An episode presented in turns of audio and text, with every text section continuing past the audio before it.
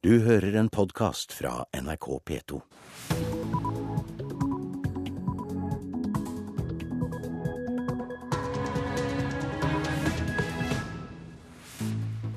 Vi åpner Nyhetsmorgen nå klokka 6.30 fredag 3. februar med disse hovedsakene. Flere kvinner jobber deltid, flere enn eh, stikk i strid med målsettingen om å redusere bruken av ufrivillig deltid. Når det er så mange som ikke får heltid, så, så tyder det på at uh, arbeidsgiverne sin holdning er at uh, det er greit som det er, og at de ikke legger seg i selen godt nok for å tilby heltid. Anders Folkestad, leder i Unio. I Egypt er to mennesker drept og 400 såret i protestene etter den fatale fotballkampen onsdag. Trygdede med ekstrainntekt risikerer stor skattesmell, og vi skal høre at flere av oss binder renta. Her i studio, Øystein Heggen. Det blir flere deltidsarbeidende kvinner i norsk arbeidsliv. Det ble det i fjor. Det skjedde trass i målsettingene om å redusere bruken av ufrivillig deltid. Summen av dette her er jo at samfunnet ikke greier å løse viktige oppgaver godt nok, fordi det mangler arbeidskraft. Lederen i arbeidstakerorganisasjonen Unio, Anders Folkestad, er slett ikke fornøyd med at det blir flere kvinner i deltidsarbeid. NRK har flere ganger siste året sett lys på omfanget av deltid, særlig i offentlig sektor. Det være seg på sykehus i Telemark. Jeg var sykepleier på barneavdelingen og jobba 50% stilling. Eller kulturskolen i Hordaland. Jeg kan ikke gi en 100% stilling. Jeg har ikke mulighet til det, for det er ikke penger. Regjeringa har gjort grep. For ett år siden kravde helseminister Strøm Eriksen deltidskutt ved sykehusene. Jeg krever at i løpet av året så skal de ha redusert deltidsbruken med 20 Da skulle en kanskje tro at tallene fra SSB denne veka skulle vise at det gikk litt i riktig retning. Men dette er fasit. Det er 16 000 flere kvinner i deltidsarbeid enn for ett år siden. Den positive sida er at flere kvinner kom seg ut i jobb i 2011. Men i praksis er hele denne øken deltidsstillinger. Tallet på kvinner i full stilling står på staden hvil, mens det har blitt langt flere menn i full stilling. Og det mener Anders Folkestad har med holdninger å gjøre. Når det er så mange som ikke får heltid, så, så tyder det på at arbeidsgiverne sin holdning er at uh, det er greit som det er, og at de ikke legger seg i selen godt nok for å tilby heltid. Men selv om det blir flere deltidskvinner, så tyder SSB-statistikken også på ei lita bedring. Nemlig at det er noen få tusen færre ufrivillige i deltidsjobb enn på samme tid i fjor. Kanskje er det da kvinner sine frie valg vi ser i statistikken. Det er mange som ønsker det, men det er i antakelig mange faktorer som fører fram til eh, den situasjonen. Men det må ikke hindre at en virkelig eh, legger til rette for at eh, de nesten 50 000 som ønsker heltid, kan få det. Han mener det må sterkere virkemiddel til for å få gjort noe med dette mønsteret. Heltid må gjøres mer attraktivt. Det krever i mange tilfeller at lønna må opp. I tillegg så må det rett og slett tilsettes flere for at eh, arbeidet skal kunne gjøres på en god måte. Reporter her, det var eh, Håvard eh, Grønli. Og Sigrun Vågeng, du er direktør i kommunenes organisasjon KS, og mange av disse deltidsstillingene er jo nettopp i helse- og sosialtjenesten i kommunene. Vi kan jo gripe fatt i det som ble sagt på slutten her, at for å få flere heltidsstillinger så må de bli mer attraktive og få bedre lønn. Og da er det jo bare å appellere til deg. Ja, Det hadde jo vært en enkel oppskrift, tilsynelatende. Det er eh, sånn i kommunesektoren at flertallet jobber også deltid. Og av de som jobber deltid, så er det dessverre også sånn at de fleste ønsker å jobbe deltid. Og når jeg sier dessverre, så er det ut fra et arbeidskraftsperspektiv. Fordi det viser seg jo etter hvert at nesten normalen er blitt mer 80% enn 100% Så da er det sånn at uh, disse tallene vi ser her, uh, ikke nødvendigvis bare er negativt for arbeidstakeren, for at det er eh, et resultat av et fritt valg? da? Ja, for mange er det nok resultatet av et, eh, et, fritt valg. Det ser vi jo veldig tydelig. Og så er det jo sånn at deltid, det fører jo også til ny deltid. Fordi det vil jo alltid være noe som da er igjen, som man må se hvordan man kan få løst. Vi har jo, Selv om dette ser ut til å stå på stedet hvil, så har vi jo sett at veldig mange steder etter hvert nå så klarer man å finne løsninger. Både ved å se på hvordan man organiserer arbeidstiden, og finne andre løsninger. Men nå hørte vi også innslaget at det er mange tusener som går og venter på å få en større stilling, som er aktivt søkende. Folkestad nevnte vel en 50 000, og kanskje er det til og med flere. Så hvordan kan dere i KS bidra til at de som søker en større stilling, får det? Alle kommunestyrene i landet de er arbeidsgivere.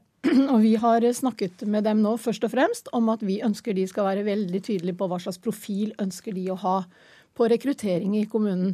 Vi jobber jo veldig nå for å få flere unge mennesker inn i sektoren. Og det sier seg selv at et ungt menneske har ikke lyst til å begynne å jobbe deltid. Og dessverre ser vi fra våre tall at en del av den ufrivillige deltiden er for unge under 30 år. Så det må vi se på. Det andre vi gjør, er jo at vi sammen med organisasjonene ser om vi kan eh, legge opp arbeidstiden sånn at det er mulig å jobbe mer enn man gjør i dag. Nå er det jo sånn at 59 eh, av kvinnene her i landet jobber deltid, og 86% av mennene, så dette er jo sikkert et problem for eh, mange kvinner. Og dem er det vel også veldig mange av i kommunene i KS. Har dere en egen strategi for å hjelpe kvinnene inn i heltidsstillinger? Er det spesielle ting de er ute etter for at de skal få heltidsstillinger, i motsetning til menn? Du kan si at uh, Hovedregelen hos oss er egentlig at det er kvinner. 77% er kvinner. Så de tiltakene vi gjør, de vil nødvendigvis være rettet mot kvinner hvis vi skal få det til. Men det er jo riktig som du sier at vi som, vi som samfunn har jo en veldig ubenyttet arbeidskraftressurs her. Uh, og i vår sektor hvor vi er åpen 24 timer, syv dager i uken, så sier det seg selv at vi kommer til å trenge veldig mye mennesker fremover. Og det vi gjør, det er jo å oppmuntre våre medlemmer til å prøve å finne flest mulig løsninger lokalt. Det har vist seg at det er det som har gitt best resultat.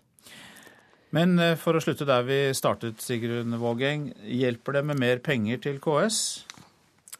Jeg tror vi må innrette oss innenfor de budsjettene vi har, vi som alt annet arbeidsliv. Og så får vi se hvordan vi kan fordele det. Nå skal det jo være et lønnsoppgjør til våren. Og så får vi se hva vi kan snakke om også i forhold til f.eks. For eh, helgetillegg. Men jeg tror nok det aller viktigste er hvordan kan vi organisere arbeidstiden, slik at eh, flere får lyst til å jobbe heltid. Mange takk for at du kom til oss, eh, Sigrun Vågeng, du er direktør i KS. I den egyptiske havnebyen Suez er to demonstranter drept i sammenstøt mellom politi og demonstranter. Politiet skjøt med skarpt da de forsøkte å hindre demonstranter i å storme en politistasjon, melder Reuters. Dette opplyser kilder ved sykehuset i byen. Ifølge statlig TV er 628 mennesker skadd i sammenstøt i eh, Kairo eh, onsdag. De fleste av disse ble skadd fordi de inhalerte gassen som politiet brukte mot demonstranter i eh, hovedstaden. Diplomater i FN har i all hast eh, laget et nytt utkast til en resolusjon som fordømmer volden i Syria. Forslaget skal drøftes i medlemslandenes regjeringer. Det nye utkastet var klart bare timer etter at forhandlingene var avbrutt i Sikkerhetsrådet. Det er ikke klart hvordan det nye forslaget skiller seg fra det forrige, som Russland ikke ville godta. Så til Malmö, for den brutale volden i byen vil øke i flere år før det blir bedre. Det tror journalist og forfatter Joakim Palmqvist, som har skrevet boka 'Mafiakrigen' om organisert kriminalitet i Malmö. I går kveld møttes venner for å minnes det sjette drapsofferet i byen på to måneder. Ihab Habros skjønte at faren hans var skutt da han så et bilde av bilen hans på en nyhetsside. Og da sa jeg til min mamma at pappa ble skutt, og da sa hun nei, den til pappa, den til pappa. Så ringde jeg polisen. De sa ja, det er noen som har blitt skutt, men vi vet ikke hva han heter og hvor gammel han er. Så gikk vi inn til sjukhuset og allting med min mamma og mine syskon. Efter en halvtimme sier de din pappa er død. Øynene til 20 år gamle Ihab er rødkanta. Rundt han er over 100 venner og bekjente. Ja, altså, jeg er liksom, Jeg forsøker å være sterk for å vise min familie at jeg klarer det. Det er jævla mye det finnes å gjøre. Jeg behøver en stor Italien. I lokalene til avisa Sydsvenskene forteller Joakim Palmqvist om en kriminell underverden i Malmö. I en by som har hatt økonomiske nedgangstid og høy arbeidsledighet, har kriminaliteten bitt seg fast, sier han. De siste åtte mordene henger ikke ihop hver for seg. Det er ikke hevn og mothevn, men det er ytringer av en høy voldsnivå i hele staden. Han er pessimist og tror voldsspiralen i Malmö vil øke i tre til fem år før det blir bedre igjen. Det finnes så mange som har påbegynt en kriminell karriere i tonåren. Altså pusler med rån eller stölder eller innbrudd i dag. Og eh, om man i veldig tidlig alder preges inn i denne miljøen med alle disse mord, så blir man sikkert farget av det. Ihab vil ikke hevne sin far, sier han til NRK. Tvert imot ber han politiet i Malmö om beskyttelse. Min far var ikke en del av en kriminell underverden, sier han. Jeg tror at de har skutt feil person. Jeg tror ikke at de hadde ment det med just min pappa. Det er feil person, 100% Reporter i Malmö, Kristine Svendsen. Så skal vi se på avisenes forsider. Ber Trond Giske om hjelp i India, er oppslaget i Dagens Næringsliv. Telenor ber næringsministeren sikre selskapets investeringer i India for å få tilbake mobillisensene som Telenor kan miste etter en høyesterettsdom i en korrupsjonssak. Daniel Fossberg er avbildet med sin elbil på forsiden av Dagsavisen i dag. Han er en av mange som bidrar til klimasuksess på norske veier, som bidrar til CO2-kutt, slik at transportsektoren kan nå klimamålet. Det er mistrøstige bilder av pendlere på forsiden av Aftenposten. Om fem år er det like trangt på buss og bane i Oslo-området pga. befolkningsveksten. I tillegg vil en rushtidsavgift få enda flere til å kjøre kollektivt. Birgit Skarstein fra TV-programmet Ingen grenser pryder Dagbladets forside. Hun forteller om sin dramatiske fortid da hun trosset militærjunta og landminer for å hjelpe lemlestede barn. Ut av landet og rett i fengsel. Stavanger Aftenblad forteller om skjebnen til fire asylsøkere som ble sendt ut av Norge. Topp karakter til hjemmesykepleien leser vi i Bergensavisen. På en skala fra én til fire gir brukerne i snitt 3,1 til både private og offentlige leverandører av hjemmesykepleie i Bergen. I den nordsvenske byen Luleå får du trolig bolig til halvparten av prisen i Tromsø, skriver Nordlys. Boligkostnadene i de to vennskapsbyene er sammenlignet, og i Luleå kan du få en liten sentrumsleilighet for 400 000 norske kroner. Har fått over 350 råd om forenkling, er oppslaget i Nasjonen. Regnskapslov og aksjelov skal forenkles, sier næringsminister Trond Giske, som lover at disse endringene er på vei. Feilbehandling til 850 millioner kroner, står det på forsiden av Vårt Land i dag. På ti år er statens utbetalinger etter sykehustabber firedoblet. Og det er eh, hundrevis av nye matvarer i norske butikker, skriver VG, og avisa har eh, satt sine karakterer på dem. Så skal vi markere at et lag fra Stavanger for første gang har vunnet den norske eliteserien i ishockey. Det var Frisk Asker som eh, tapte i går mot gutta fra Stavanger, Stavanger Oilers, og de kunne dermed sprette champagnen.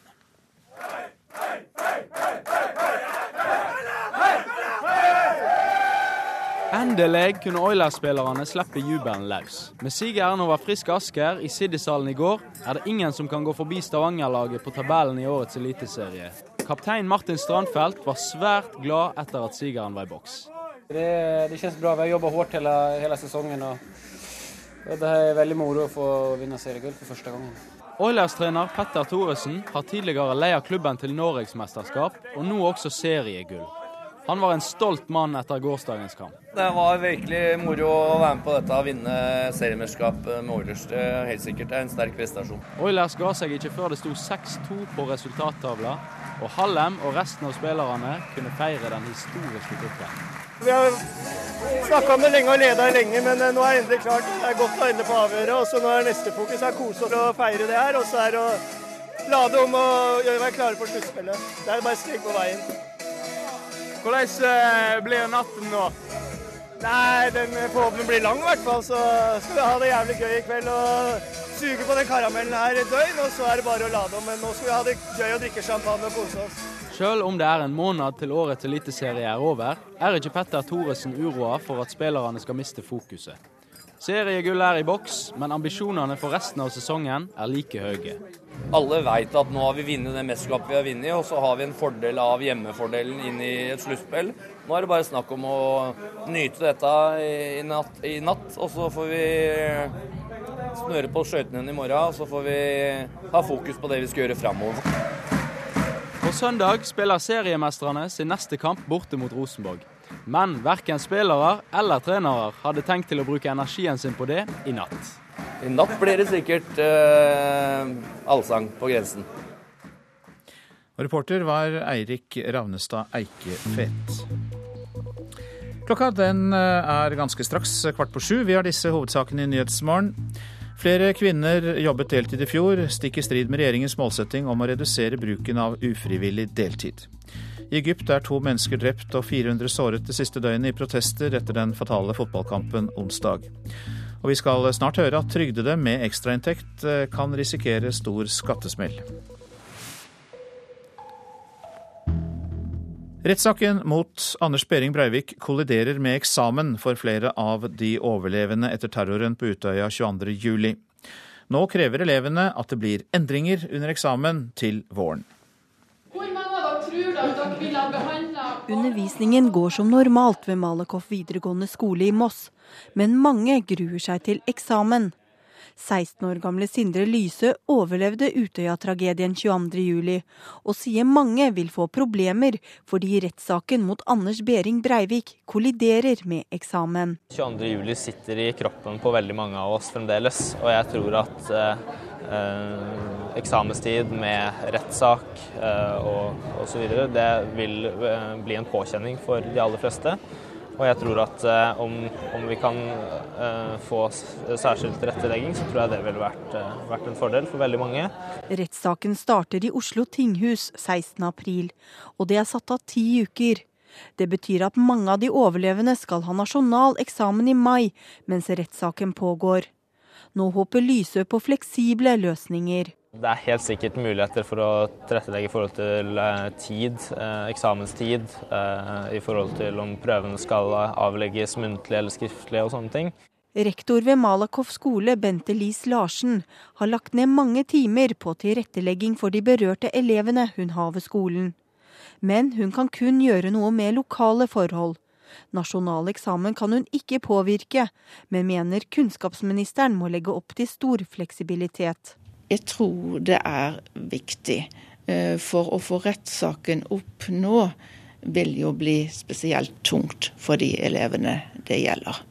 Og da kan man kanskje ikke vente at de klarer å ha fullt fokus på å prestere til eksamen. For det kan bli ganske tøft. Rettssaken er i april. For kunnskapsminister Kristin Halvorsen er dette en problemstilling hun er i ferd med å finne løsninger på. Nå vil hun at de berørte skal ta kontakt med departementet. Og hun ser for seg flere alternative løsninger. For noen kan det være aktuelt å be om kanskje en time eller to ekstra for å kunne gjennomføre eksamen på vanlig vis. For noen kan det være aktuelt å få utsatt eksamen. Det kan de gjøre etter dagens regler hvis de har legeerklæring. For andre kan kanskje spørsmålet om øh, de kan få beholde standpunktkarakteren som eneste karakter være aktuelt. Og reporter her, det var Anette Torjussen. Uføretrygdede som har en biinntekt, risikerer en stor skattesmell. En lovendring har ført til at skatteetaten har ført opp alle trygdede med null i inntekt. I Rogaland kan minst 700 risikere restskatt pga. det. Personalsjef i arbeidsmarkedsbedriften Invivo, Rolf Marøy, syns dette er en dårlig ordning.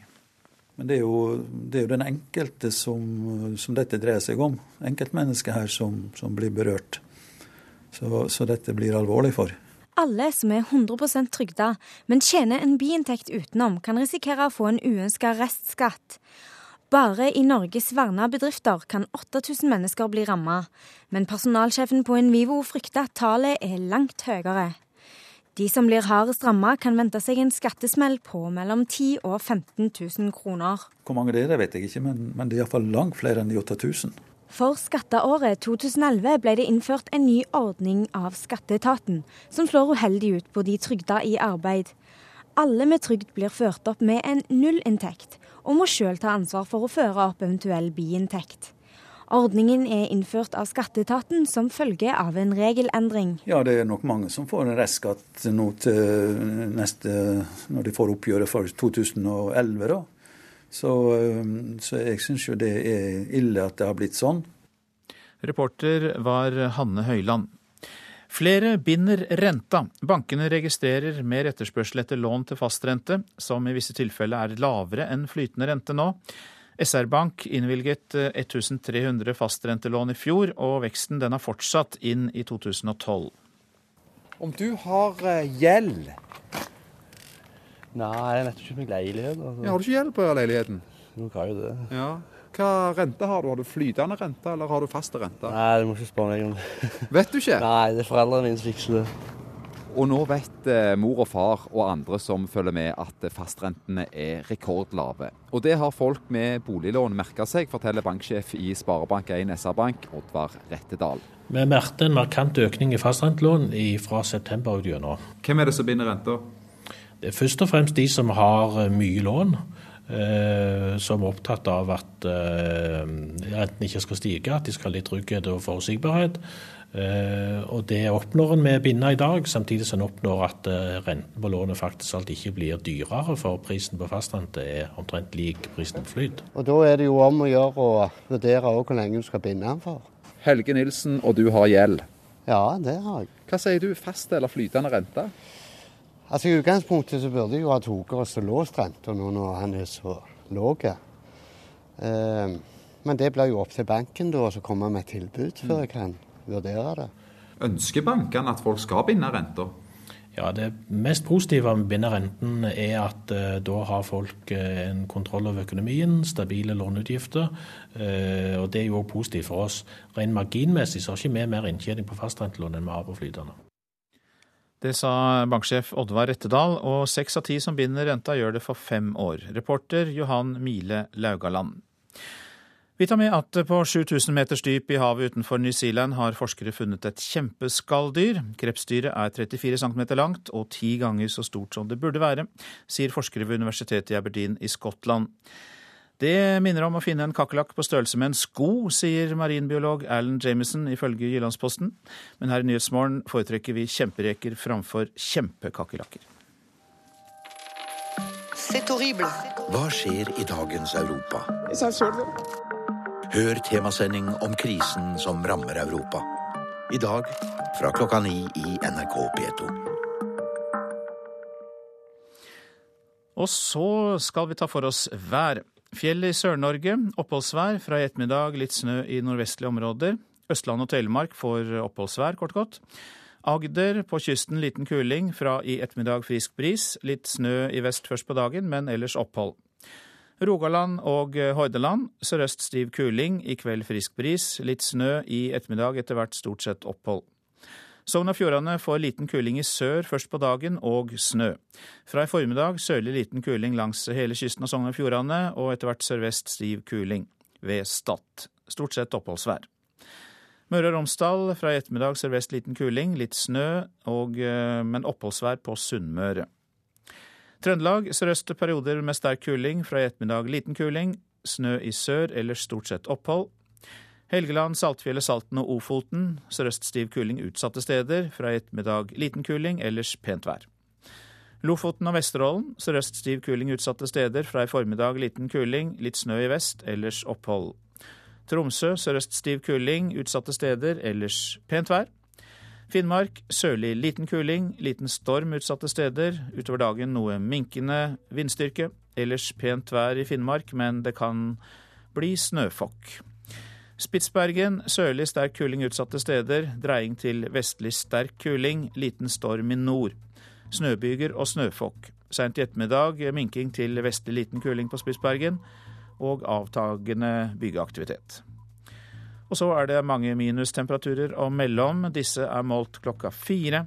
Svalbard lufthavn null, men Kirkenes har minus 21. Vardø minus 13.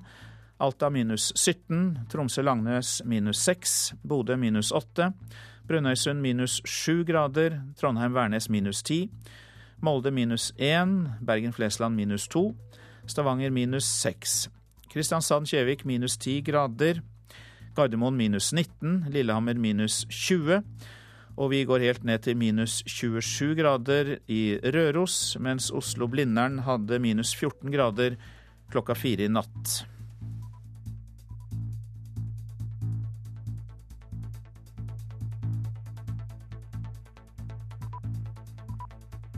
Du hører en podkast fra NRK P2.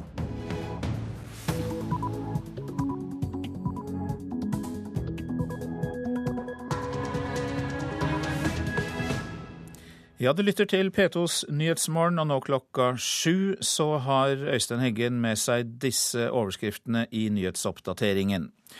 To demonstranter er drept i Egypt, og flere hundre er såret etter nye protester. Europeiske borgere og bedrifter gjemmer flere tusen milliarder euro i skatteparadiser for å unnslippe skatt. Mye tyder på at halvparten av eh, verdenshandelen, eller verdens transaksjoner, eh, sluses via skatteparadiser. Statsadvokat i Økokrim Morten Eriksen. Flere kvinner jobber deltid her i landet.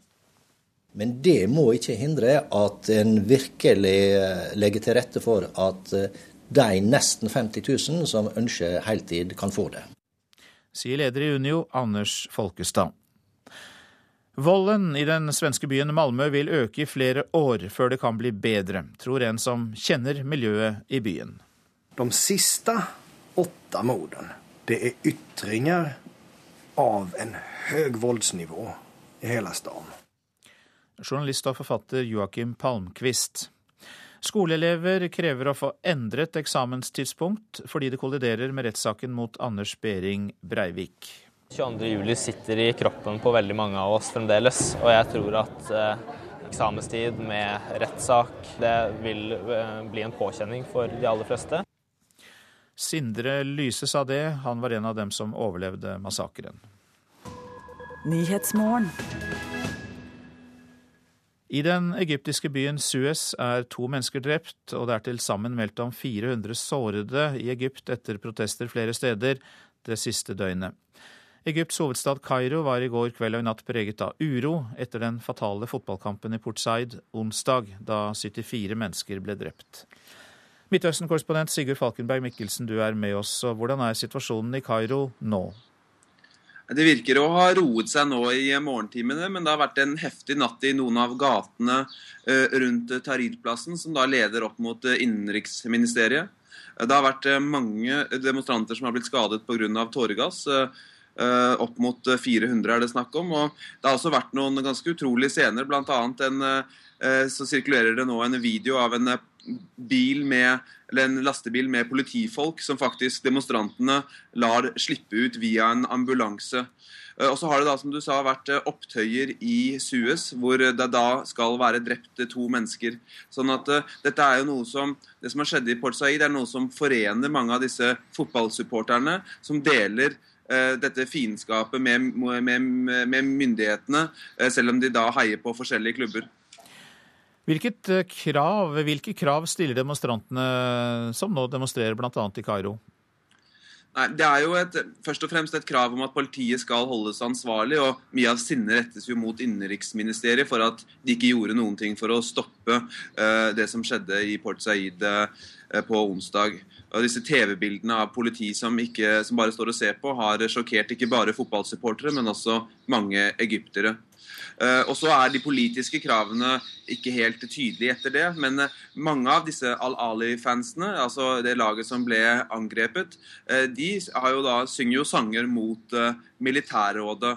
Og, de som styrer her i landet. Og så er det krav om at innenriksministeren skal gå av.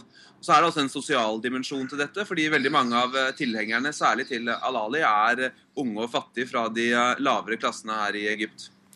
Og så har vel hele ledelsen i det egyptiske fotballforbundet fått eh, sparken, så hvordan er reaksjonene på det? De virker ikke å ha påvirket situasjonen eh, mye eh, foreløpig. Det har kanskje tatt ut noe av stinget av protestene, men det er ikke det som er det sentrale for demonstrantene. Mange av de er i fullstendig sjokk etter å ha mistet pårørende eller kamerater. Sånn at de det myndighetene har foretatt seg, er eh, i tillegg til å eh, sparke da, deler av fotballforbundet, så har de også da eh, avsatt guvernøren i Port Said og slike ting. Men mye av sinnet rettes da sentralt mot innenriksministeren også. Mange takk skal du ha, Midtøsten-korrespondent Sigurd Falkenberg Mikkelsen med oss fra Kairo. Mens eh, europeiske stater sliter med en enorm gjeldskrise, så gjemmer europeiske borgere og bedrifter flere tusen milliarder euro i skatteparadiser for å slippe unna skatt, selvfølgelig. Skatteetaten i Norge fant 29 milliarder i slike bortgjemte kroner i fjor. Og statsadvokat i Økokrim Morten Eriksen omtaler skatteparadisene som sorte hull, der all informasjon forsvinner. Ja, Det er et kjempestort problem. Mye tyder på at halvparten av eh, verdenshandelen, eller verdens transaksjoner, eh, sluses via skatteparadiser. Eh, og da kan man spørre hvorfor sluses de via et sted, et sort hull i det globale marked, hvor det ikke foregår noen ting. Land som Sveits, Liechtenstein og Monaco nekter skattemyndigheter i andre land innsyn i hva deres borgere og bedrifter oppbevarer av penger. Dermed er skatteparadisene perfekte steder for å unndra skatt eller skjule inntekter fra narkotika- og våpenhandel. Økonom Tina Søreide har tatt doktorgrad på korrupsjon og hun er bekymret over skatteparadisene, som hun mener legger forholdene til rette for både grå og svart økonomi. Skatteparadis er et av de elementene som går inn under det som jeg kanskje kan kalle for, for, lovlig finanskriminalitet. Det handler om å være anonym og kunne gjøre ting anonymt, og ikke fortelle hvor penger egentlig kommer fra. Det man da har, er en ideell kombinasjon for å kunne kombinere lovlig og ulovlig virksomhet. Skatteetaten fant i fjor 29 milliarder kroner som nordmenn hadde gjemt i skatteparadiser.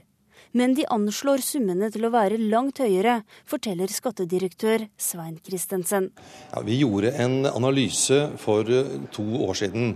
Og da eh, så vi at eh, når vi sammenholdt statistikk, både internasjonal og nasjonal, og så på våre egne kontrollerfaringer og andre lands erfaringer, så kom vi fram til at det var ca. 200 milliarder kroner. Men da har skatteetaten sett på summer som først og fremst gjelder privatpersoner. De fleste bedrifter som unndrar seg skatt i Norge, kommer i tillegg. Fra alle europeiske land går store strømmer av penger inn i skatteparadisene. Mye er også mafiapenger. Europol melder om at den organiserte kriminaliteten får stadig sterkere fotfeste og økonomisk makt i Europa. Og direktør Rob Wainswright er bekymret. We can see that criminal organizations are increasing their financial power and influence, and in particular, we think trying to exploit the, the current. Vi ser at kriminelle organisasjoner øker sin økonomiske makt og innflytelse, og at de særlig forsøker å utnytte den økonomiske krisen. Reporter Tonje Grimstad. Og Peter Gottschalk, du er professor ved BI og har skrevet bok om hvordan kriminelle organisasjoner jobber. Og hvordan fungerer denne svarte økonomien i Norge? Altså, definisjonen på svart økonomi i Norge er veldig snever. Den dreier seg bare om at man skal unngå unndra seg skatter og avgifter. Men sånn som denne reportasjen viste, så dreier det seg om langt mer alvorlige ting enn det. Det dreier seg om at penger ikke er synlige og går i omløp eh, i en blanding mellom lovlig og ulovlig virksomhet.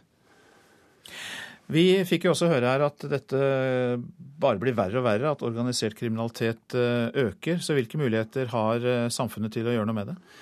Altså Det som er bekymringsfullt, er, det er at en, en, rekke aktører er med på spillet. Eh, hjelper eh, litt for mye til, selv om de selv tilhører den hvite økonomien. Og de eksemplene vi har sett i Norge de siste månedene, er jo advokatfirmaer som nekter å oppgi hvem klientene deres er, for penger de har sluset inn i skatteparadiser. Så det er en at disse advokatene, revisorer, og andre rett og slett skjerper seg. Det er ett et tiltak. Eh, men, men, det som er, er, viktig å fokusere på, er egentlig ikke skatte- og avgiftsunndragelse, men det som Søreide var inne på i, i, i sin kommentar, nemlig at uh, her har vi altså en, en økonomi som ingen vet hvor stor er, og hvem som er aktører. Det er ikke slik at eh, penger fra kriminalitet hvitvaskes. Veldig mye kriminalitet forblir eh, i den svarte økonomien og, og, og investeres. Og det er mennesker fra den hvite økonomien, altså velstående mennesker som, som sluser penger til skatteparadiser, som, eh, som investerer de pengene i narkotikaomsetningen, ulovlig våpenhandel, andre ting. Slik at det er en blanding her eh, som gjør at svart økonomi er langt eh, verre enn akkurat at skatt unndras. Men er dette da mennesker som framstår som kritt hvite i våre øyne i Norge, som driver med dette på si?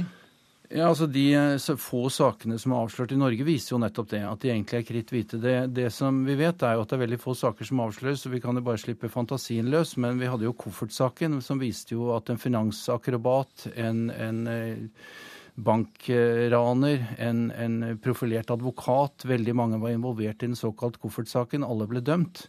Men det vi vet er jo at, at kanskje bare én av hundre blir tatt, så vi kan jo tenke oss at det er veldig mange hvite der ute som egentlig ikke er så hvite likevel.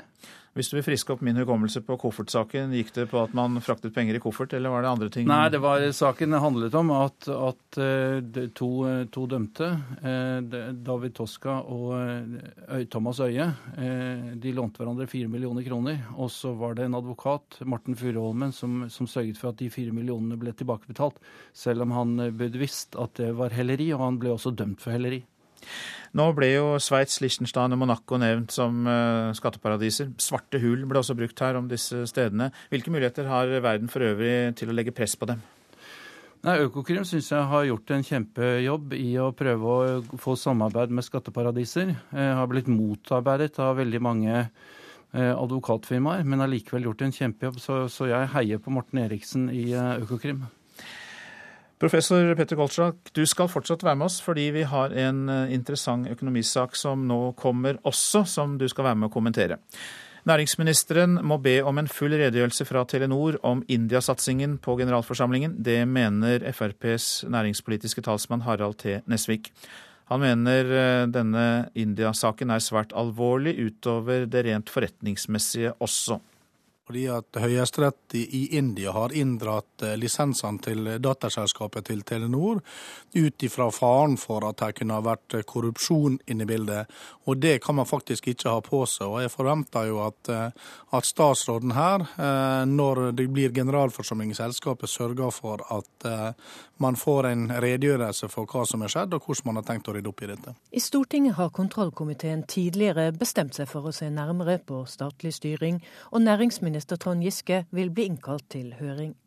Nesvik tror at også denne saken blir aktuell der. Vi hører nå at eh, det kan være snakk om milliardverdier som står på spill. Så sier det jo seg sjøl at det er åpenbart at uh, dette er en sak som også statsråden bør uh, kunne svare på, i hvert fall hvilke kjennskap statsråden har til dette, som den desidert største eieren. Høyres næringspolitiske talsmann Svein Flåtten er opptatt av at samfunnsansvaret er ivaretatt. Nå har jo dette, sies det da, en sammenheng med eventuelle korrupsjonsanklager, og jeg skal ikke ta noe stilling til det.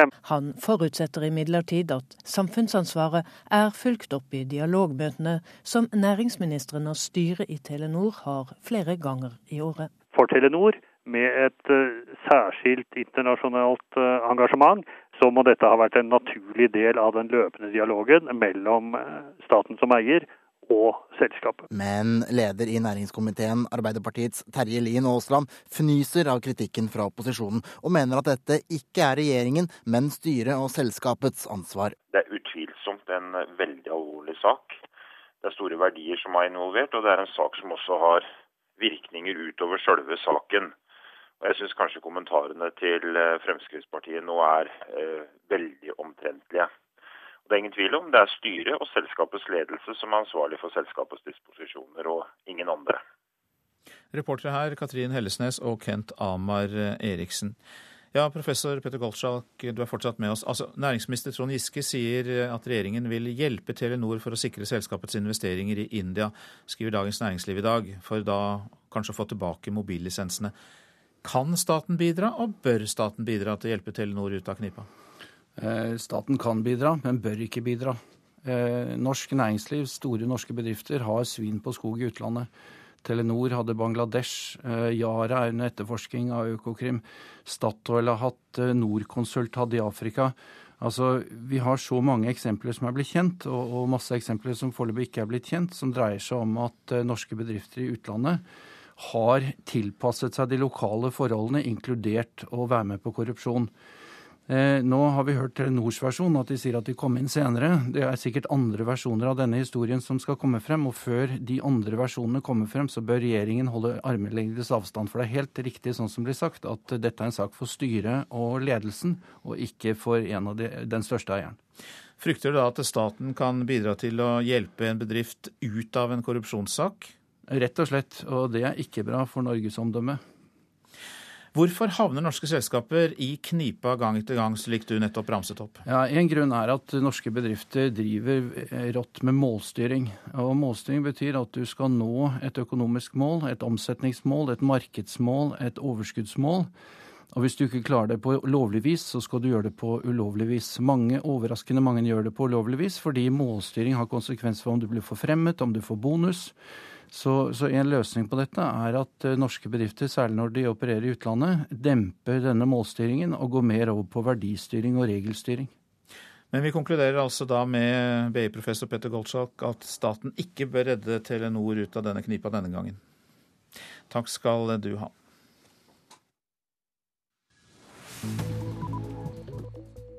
Du lytter til eh, Nyhetsmorgen, og klokka den passerte kvart over sju nettopp. Dette er hovedsaker. Det har vært nye protester i Egypt i natt. To demonstranter er drept og flere hundre er såret. Europeiske borgere og bedrifter gjemmer flere tusen milliarder euro for å unnslippe skatt. Og det blir flere deltidsarbeidende kvinner i norsk eh, arbeidsliv i fjor. Og vi hørte nettopp eh, professor Petter Gottschalk si at staten ikke bør hjelpe Telenor ut av knipa i India.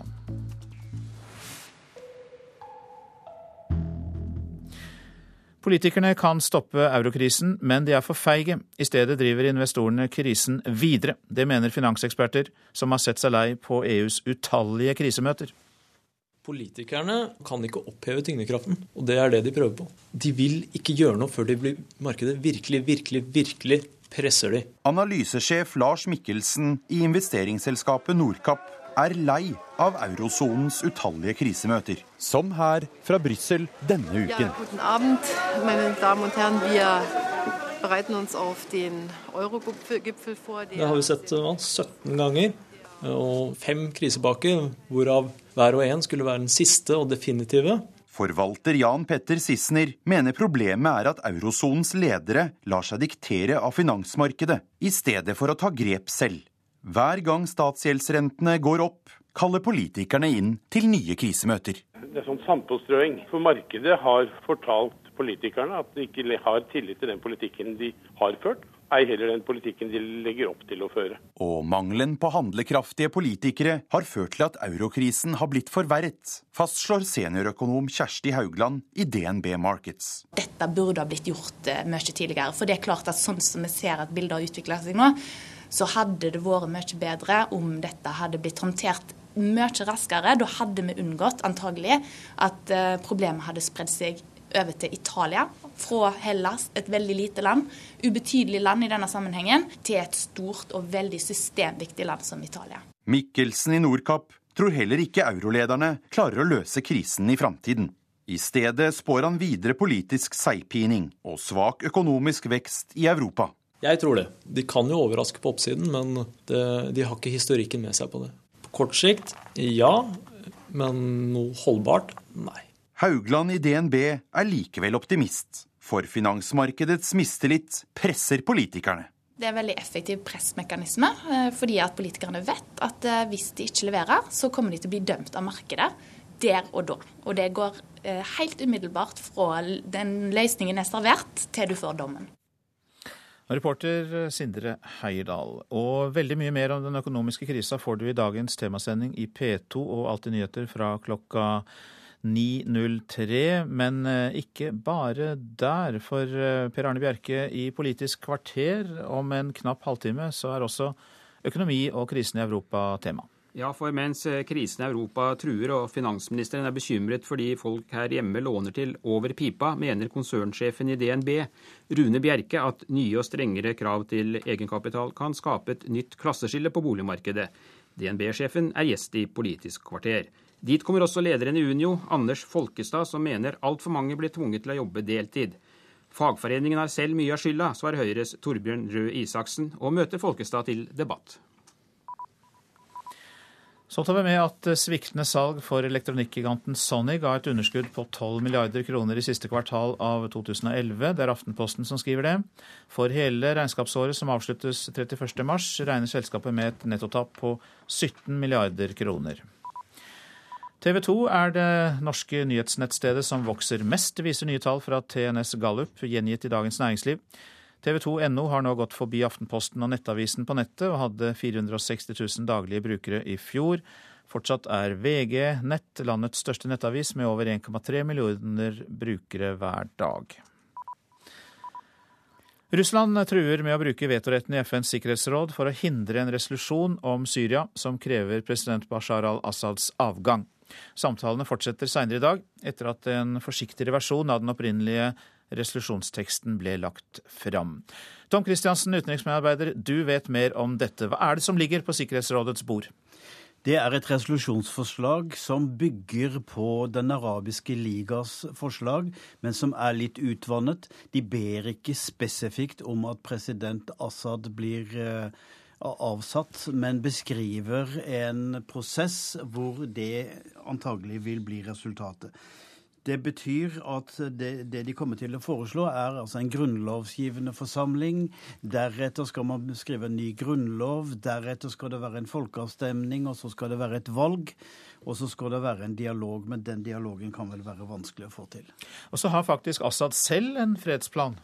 Det har han, og den er forenkla, for å si det mildt. Den går ut på at det skal være en reformprosess, en dialog hvor man skal skrive en ny grunnlov, og så skal det være nye valg. Men for å si det rett ut, den planen kommer nok 5000-6000 eh, lik for seint. Det, det, har skjedd for mye. Det kommer for seint. Det er ikke mulig å få til. Eh, opposisjonen vil ikke snakke med presidenten. Nå er det vel slik at Russland kan komme til å legge ned veto også i dette tilfellet. og Hvorfor er eh, Russland en så sterk støttespiller for eh, Syria fortsatt? Syria er Russlands uh, fotfeste i Midtøsten. Det har et langt vennskap. Det er et, et, forhold som er så langvarig at Russland ikke vil gi opp det, for da gir man opp hele regionen. Og I tillegg så er jo Russland den store våpenleverandør til Assad. Og den siste lasta den kom med skip den 10. januar, full av ammunisjon og andre ting. Så det er eh, Russland er ikke enkel å snakke med. Og det er det Sikkerhetsrådet nå forsøker å få til. Vanne ut denne resolusjonen nok til at russerne kan eh, godta den. At litt er bedre enn ingenting. Mange takk for den oppdateringen, Tom Christiansen. Kenyanske tropper har tatt kontroll over en by sør i Somalia. Okkupasjonen avskjærer Al Shabaabs forsyningslinjer fra havet. Kenya gikk inn i Somalia i oktober i fjor. Malaria tar livet av 1,2 millioner mennesker eh, hvert år. Det er dobbelt så mange som FN har beregnet. De nye tallene kommer fra en amerikansk studie. Malaria tar livet av både barn og voksne. Det er ventet nye demonstrasjoner i Senegal i dag. Protestbevegelsen har bedt president Abdullaye Wade trekke seg fra valget senere denne måneden. Han har nemlig endret grunnloven så han kan sitte en tredje periode. Britisk politi har startet etterforskning av avisen The Times etter anklager om at avisen har brutt seg inn i en bloggers e-postkonto. The Times er eid av den kontroversielle avismagnaten Rupert Murdoch. Så var det forsidene her hjemme, altså avisenes forsider. Ber Trond Giske om hjelp i India, er oppslaget i Dagens Næringsliv. Telenor ber næringsministeren sikre selskapets investeringer i India for å få tilbake mobillisensene som Telenor kan miste etter en høyesterettsdom i en korrupsjonssak. Daniel Fossberg er avbildet med sin elbil på forsiden av Dagsavisen. Han er en av mange som bidrar til klimasuksess på norske veier, som bidrar til CO2-kutt, slik at transportsektoren kan nå klimamålet. Det er mistrøstige bilder av pendlere på forsiden av Aftenposten i dag. Om fem år er det like trangt på buss og bane i Oslo-området som det er i dag, pga. befolkningsveksten. Birgit Skarstein fra TV-programmet Ingen grenser pryder Dagbladets forside. Hun forteller om sin dramatiske fortid, da hun trosset militærjunta og landminer for å hjelpe lemlestede barn. Toppkarakter til hjemmesykepleien leser vi i Bergensavisen. På en skala fra én til fire gir gjennomsnittsbrukerne 3,1 til både private og offentlige leverandører av hjemmesykepleie i Bergen. I den nordsvenske byen Luleå får du bolig til halvparten av prisen i Tromsø, skriver Nordlys. Boligkostnadene i de to vennskapsbyene er sammenlignet, og i Luleå kan du få en liten sentrumsleilighet for 400 000 norske kroner.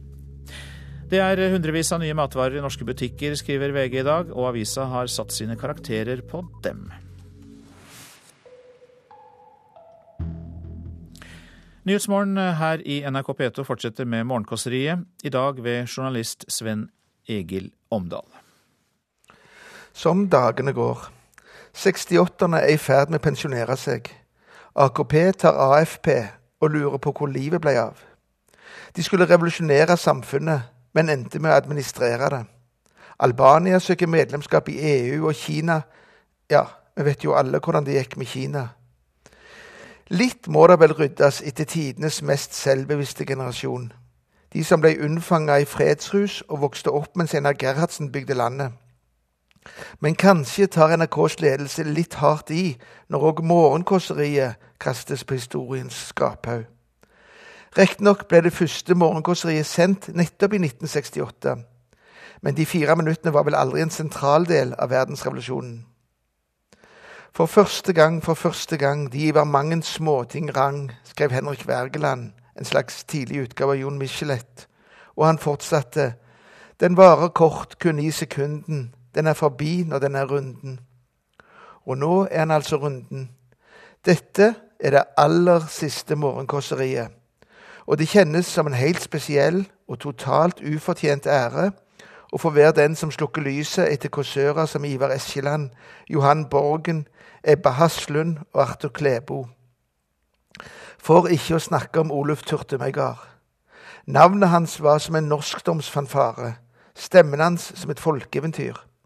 Han var lærer og skolestyrer, aktiv i 4H, Frilunt ungdomslag, mållag, historielag og avholdslag. Han var alle norske motkulturer i én pakke.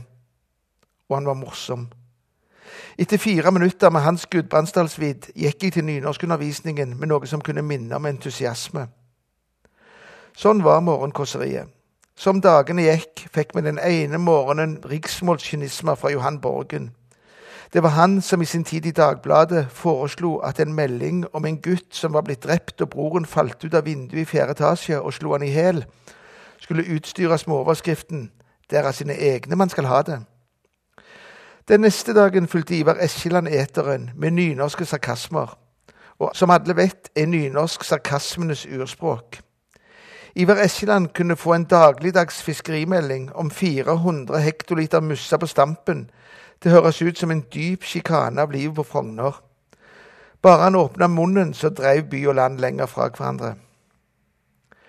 Morgenkåseriet har vel ikke vært folkets røst, men det har vært et daglig lite påfyll utenfra til den samla NRK-visdommen. Lytterne har aldri vært helt trygge på hva de fikk fem på halv åtte. Den ene dagen kunne være en komprimert utgave av Verdibørsen, med dype ord om hvor viktig det er at spede spirer lyt forstå.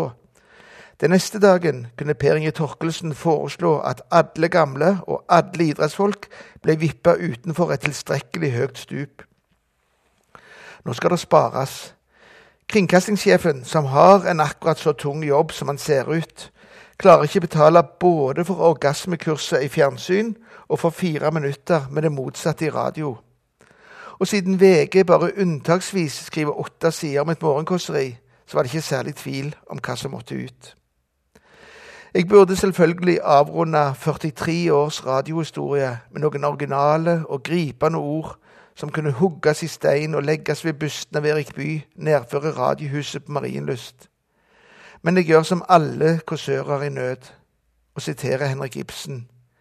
De siste gjester vi fulgte til grinden, farvelets rester tok nattevinden. På vegne av alle som fikk lov til å være en del av morgenene deres. Takk for følget. Og etter dette så kan vi ikke si annet enn takk til deg også, Sven Egil Omdal, i det siste kåseriet i P2s Nyhetsmorgen. Ansvarlig for morgenkåseriene i Nyhetsmorgen har vært Torkjell Berulfsen. Etter Dagsnytt skal vi høre at Russland satser stort på internasjonale arrangementer framover. Vinter-OL og fotball-VM er to av dem. Nå vil de også ha Expo-utstilling.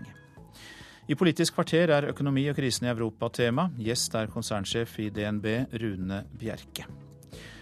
Prosent for Nyhetsmorgen i dag, Kari Bekken Larsen, og her i studio sitter Øystein Heggen. Ida Creed er ganske snart klar med Dagsnytt.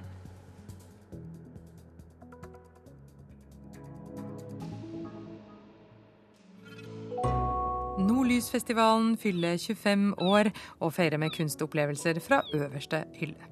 I kveld skal du få høre skuespiller Bjørn Sundquist med Engegård-kvartetten. Sundquist leser norske dikt av bl.a. Hauge og Vesaas, og kvartetten dem spiller musikk av Beethoven, Grieg, Hayden og Norheim. Dikt- og strykekvartett i skjønn forening. Følg med i kveld klokka 19.30. Musikk i P2 hver kveld fra klokken 19.30. Flere kvinner jobber deltid, til tross for millionsatsing for å få flere i full jobb. Uro flere steder i Egypt. To er drept og flere hundre skadet i opprør. Og økonomer er lei av toppmøter som ikke klarer å løse eurokrisen. God morgen, her er NRK Dagsnytt klokken 7.30. Det ble flere deltidsarbeidende kvinner i norsk arbeidsliv i fjor. Dette til tross for målsettingene om å redusere bruken av ufrivillig deltid.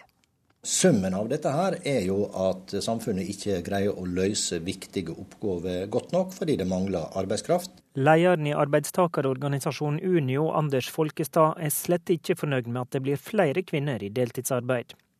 NRK har flere ganger siste året sett lys på omfanget av deltid, særlig i offentlig sektor. Det være seg på sykehus i Telemark. Jeg var sykepleier på barneavdelingen og jobba 50% stilling. Eller kulturskolen i Hordaland. Jeg kan ikke gi en 100% stilling. Jeg har ikke mulighet til det, for det er ikke penger.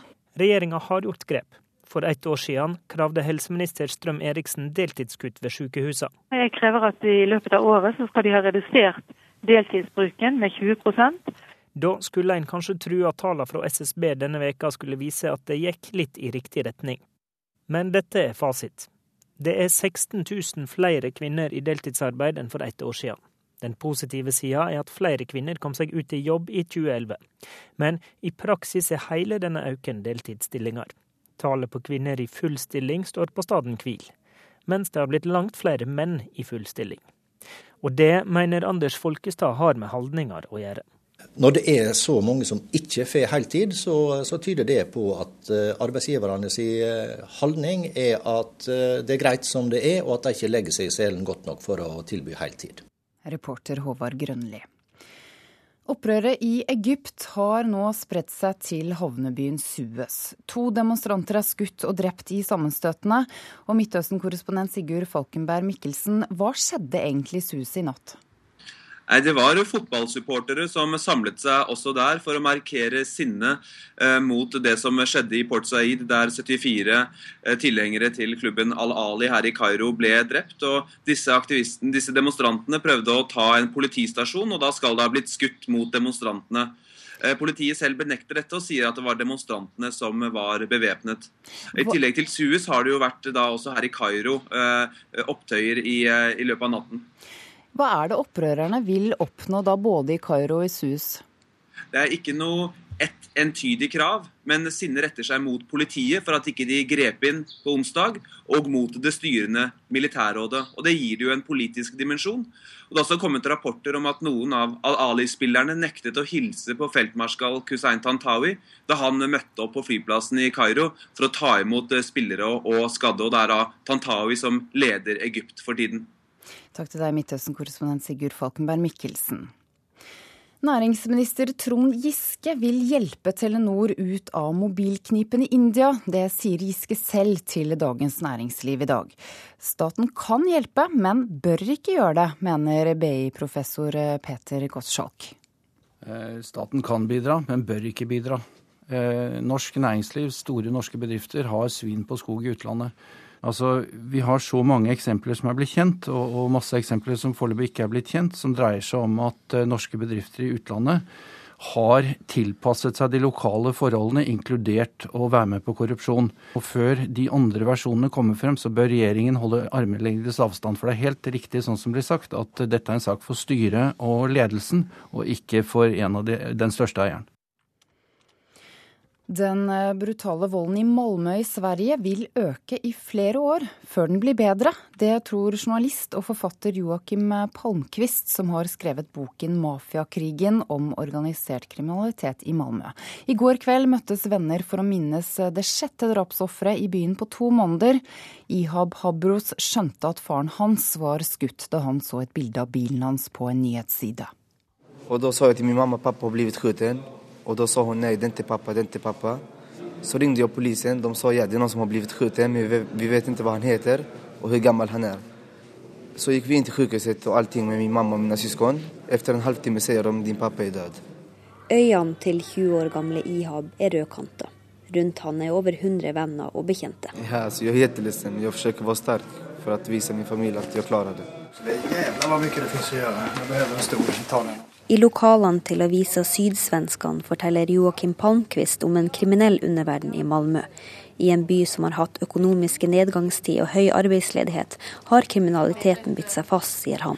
De siste åtte mordene henger ikke ihop hver for seg. Det er ikke hevn og mothevn, men det er ytringer av en høy voldsnivå i hele staden. Han er pessimist og tror voldsspiralen i Malmö vil øke i tre til fem år før det blir bedre igjen.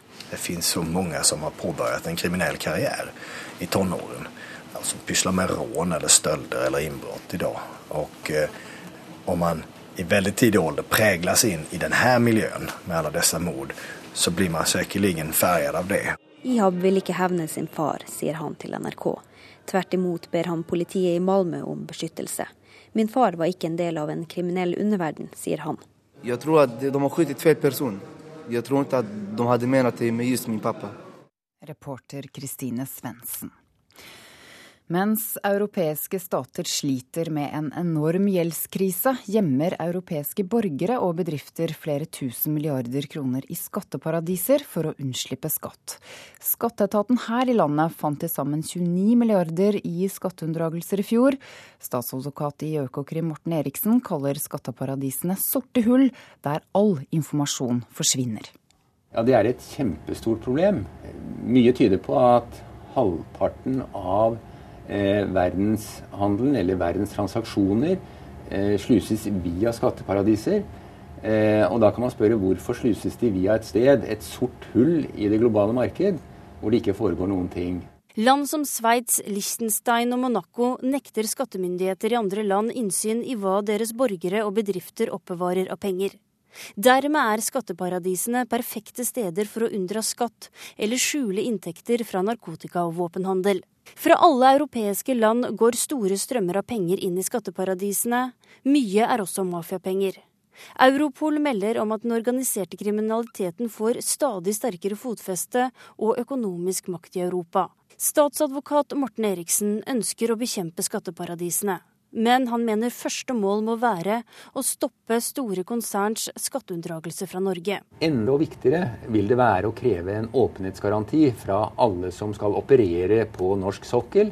Og en åpenhetsgaranti skal gå ut på at man skal ikke ha anledning til å skjule seg bak skatteparadiser eh, eller andre eh, gjemmesteder.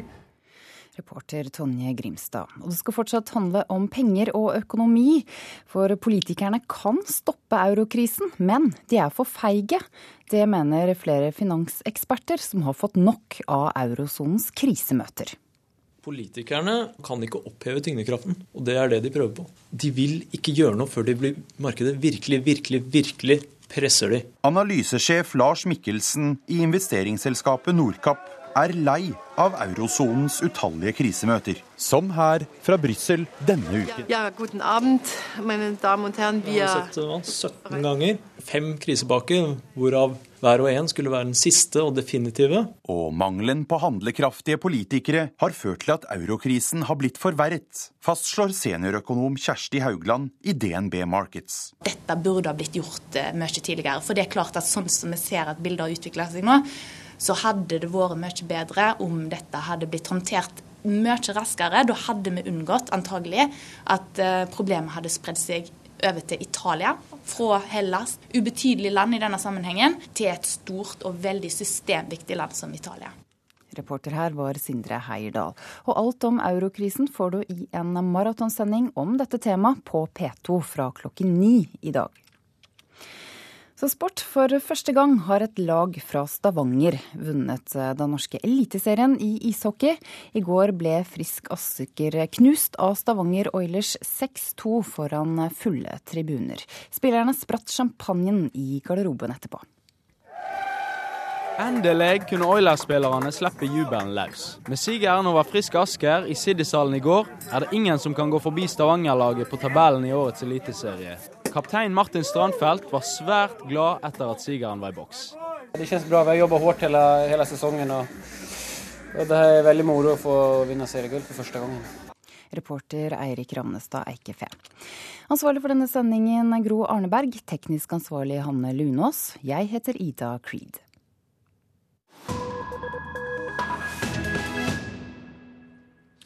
Her i Nyhetsmorgen skal vi høre at Russland satser stort på internasjonale arrangementer, som vinter-OL i Sotsji i 2014 og fotball-VM i 2018. Og de slåss nå for Expo i 2020. Jekaterinburg søker om å bli vertsby. Så langt leder russerne kappløpet mellom tyrkiske Izmir og Dubai. Russerne vil lage den største verdensutstillingen ved siden av den som var sist i Shanghai, i denne gamle industribyen ved foten av Uralfjellene. Здравствуйте, гости наши дорогие! Это верно вы сделали, что приехали Velkommen, kjære gjester, hit øst for Uralfjellene, hvor Europa møter Asia, utbasunerer guiden ved verdensdelsmarkeringene her i Ekaterinburg. Dette ble tungindustriens hjerte, da russerne flyttet all sin industri øst for Uralfjellene for å unngå tyskerne under andre verdenskrig. Her ligger Uralmash, eller maskinverkene i Ural med 80 000 arbeidere. Her ligger svær metallurgisk industri, og her ligger det store gruveuniversitetet i Russland. Hit strømmer studenter fra hele den tidligere Sovjetunionen. For dem er Russland litt av et forjettet land, selv for 20-årige Julia Kanyusha fra Ukraina. И все стараются, наоборот, приехать в Россию. По-моему, э, образование России очень ценится на Украине. I Ukraina gir det høy prestisje å studere i Russland, og mange søker seg hit. Levestandarden her i Russland er jo også betydelig høyere enn i Ukraina. Problemene med å betale for russisk gass gjør at levestandarden hjemme i Ukraina fortsatt går nedover, forteller Julia Kanyusha på bergverkslinjen ved Jekaterinuniversitetet. Тому что Россия и Украина имели пару политических проблем, на Украине уровень жизни понизился. Men om det rår problemer mellom Ukraina og Russland i vest, så er selvtilliten stor her i øst, for nå leder Jekaterinburg kappløpet og må forstås som arrangør for Expo 2020, selve verdensutstillingen.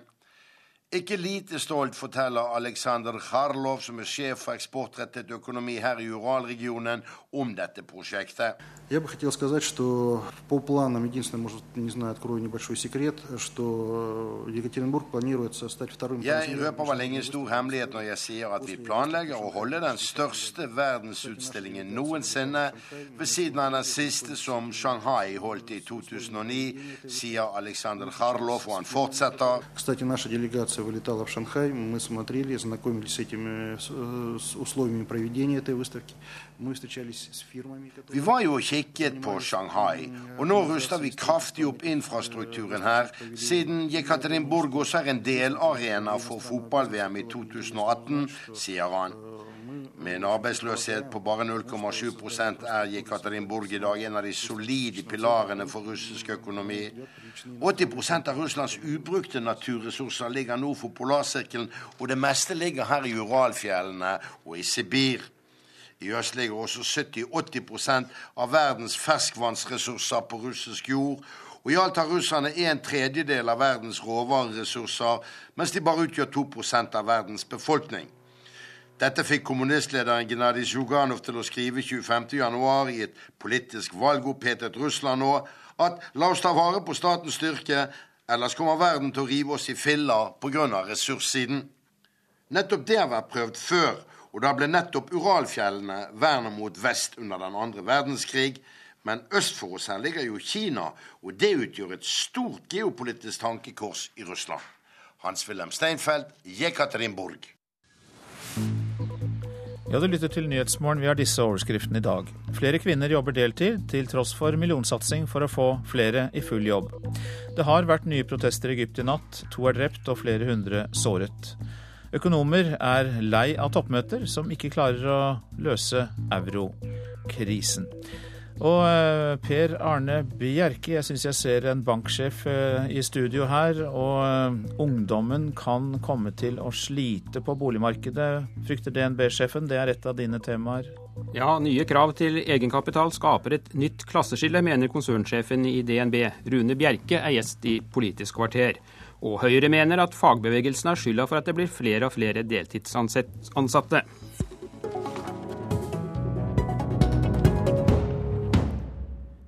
Velkommen i studio, konsernsjef i DNB, Rune Bjerke. Du har eh, sagt at de nye kravene om 15% egenkapital når du kjøper bolig kan skape et nytt klasseskille. Hva mener du med det?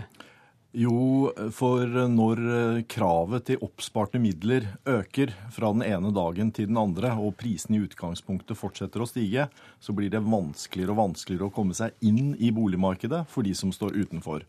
Og vi har vært veldig opptatt av at eh, når man gjør noe på den ene siden av ligningen, så må man følge det opp med tiltak på den andre. Men er du mest bekymret for de unge boligsøkende, eller for at det blir færre som får råd til å bli lånekunder? Jeg er først og fremst opptatt av kundene våre og av de unge som har et behov for å komme seg inn i boligmarkedet. Og jeg har egentlig forståelse for at myndighetene ønsker å være på den sikre siden når det gjelder å unngå en ny boligboble. Men hvis man gjør det vanskeligere å låne, så burde det vært fulgt opp med å gjort det lettere og gunstigere ja. å spare. Men hvordan skal vi unngå en ny boligboble hvis vi ikke strammer litt inn på lånemulighetene? For nå har altså veldig mange familier gjeld til langt over pipa, noe som også finansministeren var inne på i går. og Finansministeren tar vel ikke feil når han sier at dette er en av hovedutfordringene i norsk økonomi? Nå tror jeg nok det er en av oppgavene til en finansminister å alltid være litt bekymret. Og jeg tror ikke man skal overdrive heller eh, gjeldsbelastningen for norske husholdninger. Vi må huske på at også inntektene har økt kraftig de siste tiårene. Så i så måte så har man mer å rutte med eh, enn man noensinne har hatt. Det som imidlertid er poenget, er at når man gjør, gjør det vanskeligere å låne, så burde det også vært gjort lettere og mer gunstig å spare. Og det er veldig viktig for at de som står utenfor boligmarkedet skal komme seg inn. Men det er også andre ting som man burde gjort. F.eks. bygd flere boliger, flere utleieboliger, flere studentboliger, mer effektiv arealutnyttelse og ikke minst raskere behandlingsprosesser i kommunene. Så det er mange ting man kan gjøre på den andre siden av ligningen også. Jo, Men Rune Bjerke, ikke overdrive lånegjelda, sier du. Noen av oss husker jo da 20-25 år tilbake. og Midt på 80-tallet så var det veldig lett å få lånt penger, og så fikk vi store problemer på slutten av 80-tallet. Folk klarte ikke forpliktelsene sine. Og flere storbanker, bl.a. din egen, måtte reddes av staten. Hvor trygg er du på at vi ikke får en lignende situasjon en gang til? Jeg mener at det er veldig viktig å huske og tenke gjennom den krisen vi hadde på slutten av 80-tallet, begynnelsen av 90-tallet. Men eh, vi må lære av den, og vi må unngå å gjøre de samme feilene som man gjorde da. Men det, det er et poeng å legge på bordet at eh, den gangen vi hadde den forrige eh, finanskrisen, begynnelsen av 90-tallet, så var rentene for lånetakerne nesten 20 I dag så er rentene på rundt 4 Ja, og Så hadde vi mye høyere inflasjon også, derfor har jeg sagt. En, ja, mye høyere inflasjon. Men det var også en helt annen type inntektsfordeling på husholdningene. Så i dag, alt i alt i dag, så kan man si at det er viktig å hindre ytterligere låneopptak hos husholdningene, men da må man også gjøre det gunstigere å spare. Og det er det som er vårt hovedpoeng. Jo, men Er dere banker kritiske nok når dere vurderer en lånesøknad, når folk får låne to og tre ganger inntekten sin? Jeg tror at de som hadde sittet og sett på håndtering av lånesøkere i bankene, ville fått en aha-opplevelse når det gjelder å se det grundige arbeidet som gjøres hver gang noen søker om lån til bolig. Det er omfattende prosesser, man tester likviditet. Man ser at de som låner, faktisk kan tåle en økning i rentenivå helt opp mot 9 selv om eh, det er veldig lite som tyder på at rentene kommer til å bli så høye. Og det er en ordentlig grundig vurdering som gjøres. Jeg kan i hvert fall stå inne for den håndtering av lånekundene som vi har i DNB. Nå er Europa oppe i store problemer. Hvor trygge kan vi være på at Norge klarer å styre unna en ny finanskrise? Norge er i en unik situasjon. Vi er først og fremst avhengig av at verdensøkonomien utvikler seg positivt. Fordi så mye av vår eksport går til olje- og gassrelaterte varer og produkter. Og så lenge verdensøkonomien vokser med en 2-3-4% så er det godt nytt for Norge. Men vi er ikke uberørt av det som skjer i Europa. Og først og fremst så er det viktig for oss at Europa unngår en katastrofe. Det kommer til å bli eh, lav vekst, kanskje til og med negativ vekst i mange europeiske land i årevis framover. Men det alene er ikke nok til å få verdensøkonomien til å krympe eller til å utvikle seg flatt. Så eh, europeiske politikere må først og fremst gjøre sitt ytterste for å hindre kollaps, og det ser det ut til at de er på god vei til å klare. Ja, hvor viktig er eh, den enigheten som kom denne uka? Da, bare, det hadde 25 av 27 medlemland var det vel, som ble enige om eh, strengere budsjettkontroll. Hvor viktig er det? Det er ett av mange eh, eksempler på og ett av mange tiltak som peker på at Europa går i riktig retning. Men det kanskje viktigste tiltaket så langt for å få normalisert tilstanden i europeisk økonomi, var den enorme lånepakken som ble gitt av den europeiske sentralbanken på rundt 500 milliarder euro før jul til europeiske banker. Nå kommer det en ny pakke i februar, og det bidrar gradvis til å normalisere rentenivåer og normalisere flyten i økonomien. Så dette er ikke noe quick fix. Det er mange korsveier framover for Europa, men det går sakte, men sikkert i en riktig, riktigere og stabiliserende retning. Men likevel så var det heller ingen som helt forutså den forrige finanskrisen. Og hvor godt rustet er dere til å møte en eventuelt ny krise? Norske banker og DNB i særdeleshet er bånn solide. Vi har bygget opp eh, kapital, og vi har i dag en situasjon sammenlignet med det som var tilfellet før krisen i 2008, som er langt mer robust. Så eh, jeg tror at det er viktig å opprettholde denne soliditeten, endog styrke den. Men man må ikke gå for langt, for vi skal også fylle vår oppgave i samfunnet, som er å gi husholdninger og bedrifter lån. Bånn solide, sier du, men under forrige finanskrise så måtte regjeringen trekke gullkortet for å hjelpe deg og andre banker. og Frykter du at utviklingen i Europa kan tvinge deg til å be staten om hjelp en gang til? Eller er du helt sikker på at du slipper det? Vi må huske at den gangen gullkortet kom, så var det ikke fordi bankene ikke var solide. Det var ikke fordi bankene tapte penger. Det var fordi at det finansielle system i Europa stoppet helt opp. Og da fikk norske banker, som banker i alle land, tilført likviditet. Men det skjedde på markedsmessige vilkår, og skattebetalernes penger ble ikke brukt. I dag er man enda mer solide, og man har enda større buffere. Og i dag er det heller ikke noen utsikter til en kollaps i markedene som vi hadde da. Ja, betyr det at du regner med at du ikke trenger å be om eh, statlig hjelp en gang til? Vi eh, ser ingen grunn og ingen behov for å be staten om særskilte tiltak nå. Vi ber først og fremst at de skal balansere det de gjør på begge sider av ligningen for alle som trenger lån og som trenger å spare.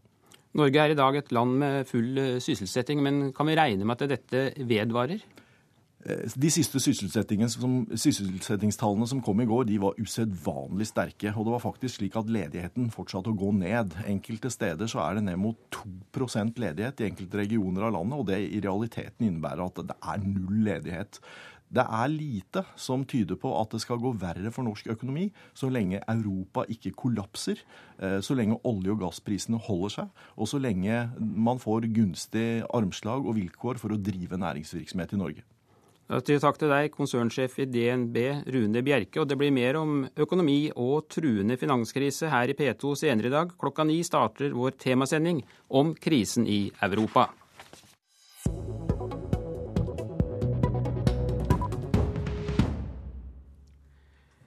Flere kvinner jobber i dag deltid enn for ett år siden, slik vi har hørt i nyhetene i morges. Antall deltidsansatte øker, til tross for at både regjeringen og fagbevegelsen sier at det er et mål å få flere over på heltid. Arbeidspolitisk talsmann i Høyre, Torbjørn Røe Isaksen, hvilket ansvar har fagbevegelsen selv for at så mange jobber deltid? De har også et ansvar, selvfølgelig. Og grunnen til det er at eh, det blir ikke flere heltidsstillinger av eh, festtaler. Eh, og de siste si, tiårene så har vi hørt veldig mange festtaler, men vi har egentlig ikke gjort så fryktelig mye for at flere skal få heltidsstillinger av de som i dag er på ufrivillig deltid. Og Det kunne vi gjort gjennom at vi gjorde det enda enklere og fikk enda flere lokale forsøk med lokal makt over hvordan man setter opp vaktlister. Litt mer fleksibilitet ville også gitt at det ble eh, gitt oss eh, flere heltidsstillinger alt i alt. Leder i Unio, Anders eh, Folkestad. Hadde deltidsproblemet vært løst dersom dere hadde vært litt mer fleksible når det gjelder å sette opp lokale vaktlister, turnusordninger og litt mer helgearbeid? Nei, jeg er redd at det er ikke der hovedproblemet ligger. Jeg er enig med Røe Isaksen i at det har vært mange festtaler rundt eh, deltid, og spesielt ufrivillig deltid. Men i en del næringer, i en del virksomheter, så tror jeg det har rett og slett blitt en eh, deltidskultur. Det i seg sjøl er praktisk eh, og enkelt eh, for, for, arbeidsgiver. Og det kan være også ei, ei billig løsning å ha flere inne i, i, systemet. Så jeg tror at her handler det om å bryte kulturer. Og når vi, har, når vi f.eks. i kommunesektoren, så er det altså flere ansatte på deltid enn det er på heltid. Og dette viser jo i seg sjøl at det kan ikke være fagforeningene og turnusplaner i seg sjøl som, som, hindrer dette. Eh, Røe Isaksen, Er det mulig etter din vurdering å sette opp og få eh, kabalen til å gå opp uten deltidsansatte med de arbeidstidsbestemmelsene vi har i dag? Nei, ja, altså, det, er et vanskelig, vanskelig, spørsmål. Eh, I utgangspunktet så er det nok vanskelig. Men nå er arbeidsmiljøloven eh, mer fleksibel enn mange lokalpolitikere tror, f.eks. Og det er også mulighet til å søke om forsøk hvor man får unntak fra arbeidsmiljøloven. Så det kan være mulig. Men det som også gjør, kompliserer dette ytterligere, det er jo at veldig mange av de som jobber deltid, gjør jo det frivillig. Eh, de gjør det fordi de ønsker det, særlig en del kvinner i pleie- og omsorgssektoren. Så Det gjør det også litt vanskeligere. Men jeg tror da at det handler om eh, grunnbemanning har noe å si. Altså hvor mye ressurser og hvor mye mennesker man har på en, eh, ja, f.eks. på et sykehjem. Men det å ha en fleksibel, litt mer fleksibel oppsett av turnus kan også gi flere heltidsstillinger. Og det ser vi også de stedene der man har forsøkt at det har fungert. Nå, nå har vi hørt mange dømmer på at uh, sysselsettinga øker og at norsk økonomi går godt. og Det viser jo at arbeidslivet er fleksibelt. Og eh, nå er det blitt flere deltidssysselsatte, som det da heter. Og det, det, er jo ikke bare negativt, eh, fordi at det betyr jo at arbeidsmarkedet trenger innsatsen fra, fra, folk, og for som så passer ikke det å ha heltid. Men det kan ikke hindre at eh, arbeidsplasser der det er mange som ønsker større stillinger, at arbeidsgiver må ta et større ansvar for det. Vi ser at Eh, en del sykehus har klart det bedre nå, men det er altfor mange som henger etter og eh, bryr seg tydeligvis for lite om dette her. Og bruker det argumentet som dessverre Røe Isaksen gjør også, at dette først og fremst handler om, eh, om lovverk og de tillitsvalgte sine holdninger. Men, men jeg, tror, jeg, tror, jeg, tror, vi er helt enige om at deltidskultur, altså det at man ansetter folk på deltid fordi man jeg holdt det på å si, nærmest ikke gidder å lage heltidsstillinger, det skal vi ha bort. Men jeg tror nok at, at både Unio og, og Høyre og, og, andre politiske partier må godta at det i seg selv vil ikke løse problemet med ufrivillig deltid. Og det er der jeg tror også vi er nødt til å begynne å ha en, Diskusjonen er nødt til å være litt sånn Vi er nødt til å bare ta, ta, ta, ta høyde for hva som er virkeligheten der ute. Altså, da er det sånn at Vi har i mange år nå forsøkt med nettopp disse tingene hvor vi sier at vi skal stimulere til flere heltidsstillinger. Vi skal, vi skal vi skal gjøre det sånn at vi fjerner liksom, kulturen for deltid sånn, det fungerer ikke. Mens de stedene der man faktisk ser at flere som ønsket heltidsstillinger, har fått det, så har man gjort noe også med ja. fleksibiliteten og gjort og hatt lokale forsøk med ja, er, er, ikke Røe Isaksen inne på noe helt vesentlig? her? at Det er eh, flere arbeidsplasser der de ansatte kan tenke seg litt andre turnuser, men så sier altså fagforeningen nei, for at det blir for mye helgearbeid, det blir for mye ulempe. Det, det skjer svært ofte. Det er altså flere avviksordninger enn folk er klar over. Eh, kanskje er det til og med for mange sommeplasser. Og det er litt påfallende at dette problemet først og fremst er i, på arbeidsplasser som er kvinnedominerte, mens eh, i mannsarbeidsplasser, der en også har turnus og skiftordninger, så flyter dette mye bedre. Bl.a. fordi at der er det heltidsstillinger som dominerer, og det er selvsagt at det er det arbeidsgiver tilbyr. Rui Isaksen? Ja, det, det, det, er nok, det, er nok, det, er helt riktig. Eh, men her er det jo også en forskjell, fordi at eh, flere kvinner fortsatt ønsker også å jobbe frivillig deltid. Og det er klart at det i seg selv gjør jo også at eh, altså deltid avføder deltid. Så er det sagt. Men Jeg, jeg, tror vi kan godt gå sammen om å, å, stramme inn og si at vi skal slåss hardere mot ufrivillig deltid og avslutte kulturen for det. Men, men, det er en nøkkel her i arbeidstid. og Det har også de offentlige utvalgene som har blitt satt ned for å se på det.